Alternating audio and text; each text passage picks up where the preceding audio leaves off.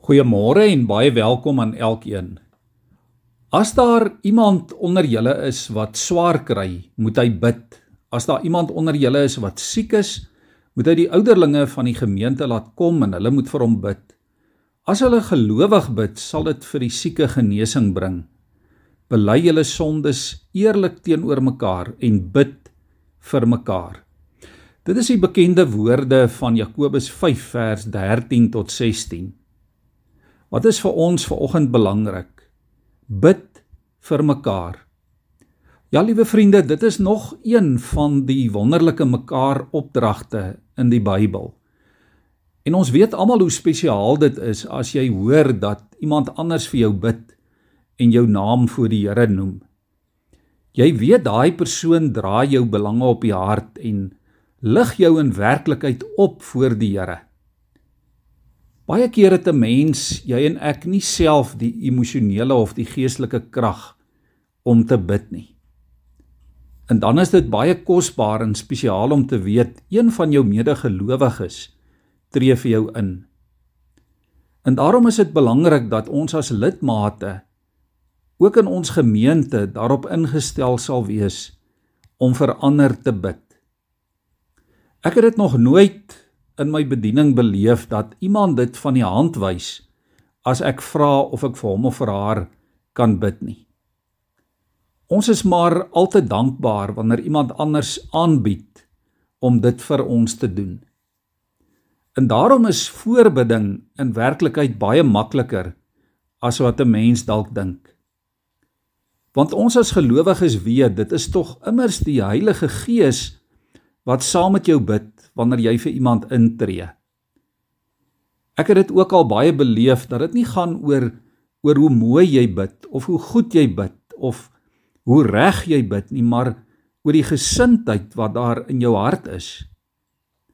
Die Heilige Gees kom tog en hy trek jou en my kreef skewe en krom woorde reguit voor die troon van die Here. Hy ken die opregtheid in jou hart. Hy ken jou bedoelings beter as wat jy dit self ken. En daarom kan en moet ons vir mekaar bid. Ons moet bid vir gesondheid.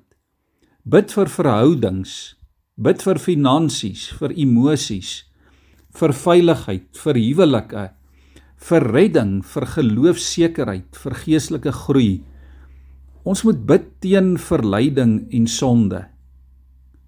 Bid 'n seëngebed vir jou familie, vir jou vriende, vir jou kollegas, vir die persoon daar in die supermark wat jou bedien, vir die petroljoggie wat brandstof in jou voertuig gooi.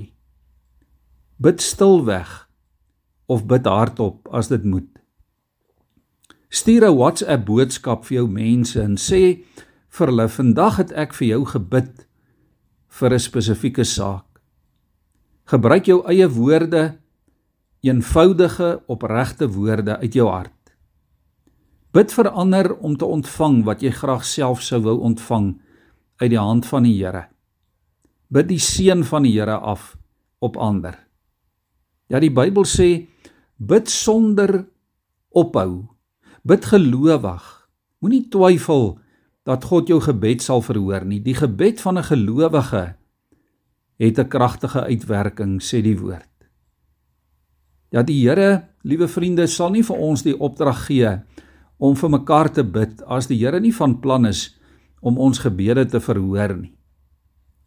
In plaas van skinder oor iemand, bid vir hom of vir haar. In plaas van negatiewe gedagtes oor iemand, bid vir daardie persoon. In plaas van om te kla oor iemand, bid vir haar. In plaas van gefrustreerd wees met iemand, bid vir hulle. Ja wanneer jy in jou eie gebrokenheid vir iemand anders bid, dan is dit 'n onselfsugtige gebaar van liefde en van omgee. Kom ons buig ons hoofde vanmôre weer voor die Here en dan bid ons so saam. Here, ons weet vanmôre dat elkeen van ons 'n verantwoordelikheid het teenoor ons naaste, teenoor mekaar, teenoor ander gelowiges. En Here, so 'n belangrike deel van ons verantwoordelikheid teenoor mekaar is dat ons vir mekaar sal bid. dat ons mekaar in die gebed voor die troon van van u sal kom neersit. Ja Here, voor u voete sal kom neerlê. Ons medegelowiges se behoeftes, hulle nood, hulle krisisse, hulle omstandighede, maar ook hulle vreugdes. Dat ons ook in ons gebedslewe dankbaar sal wees en bly sal wees saam met mekaar. Ag Here, help ons daarmee deur u Gees dat ons vandag vir mekaar sal bid. Help ons ook deur u woord, Here. Kom lê lê deur u woord die die woorde en die gedagtes in ons hart en in in ons eie gedagtes en ons eie gemoed vas sodat ons ook die regte woorde sal hê om te gebruik. Kom help ons daarmee volgens u wil. Amen.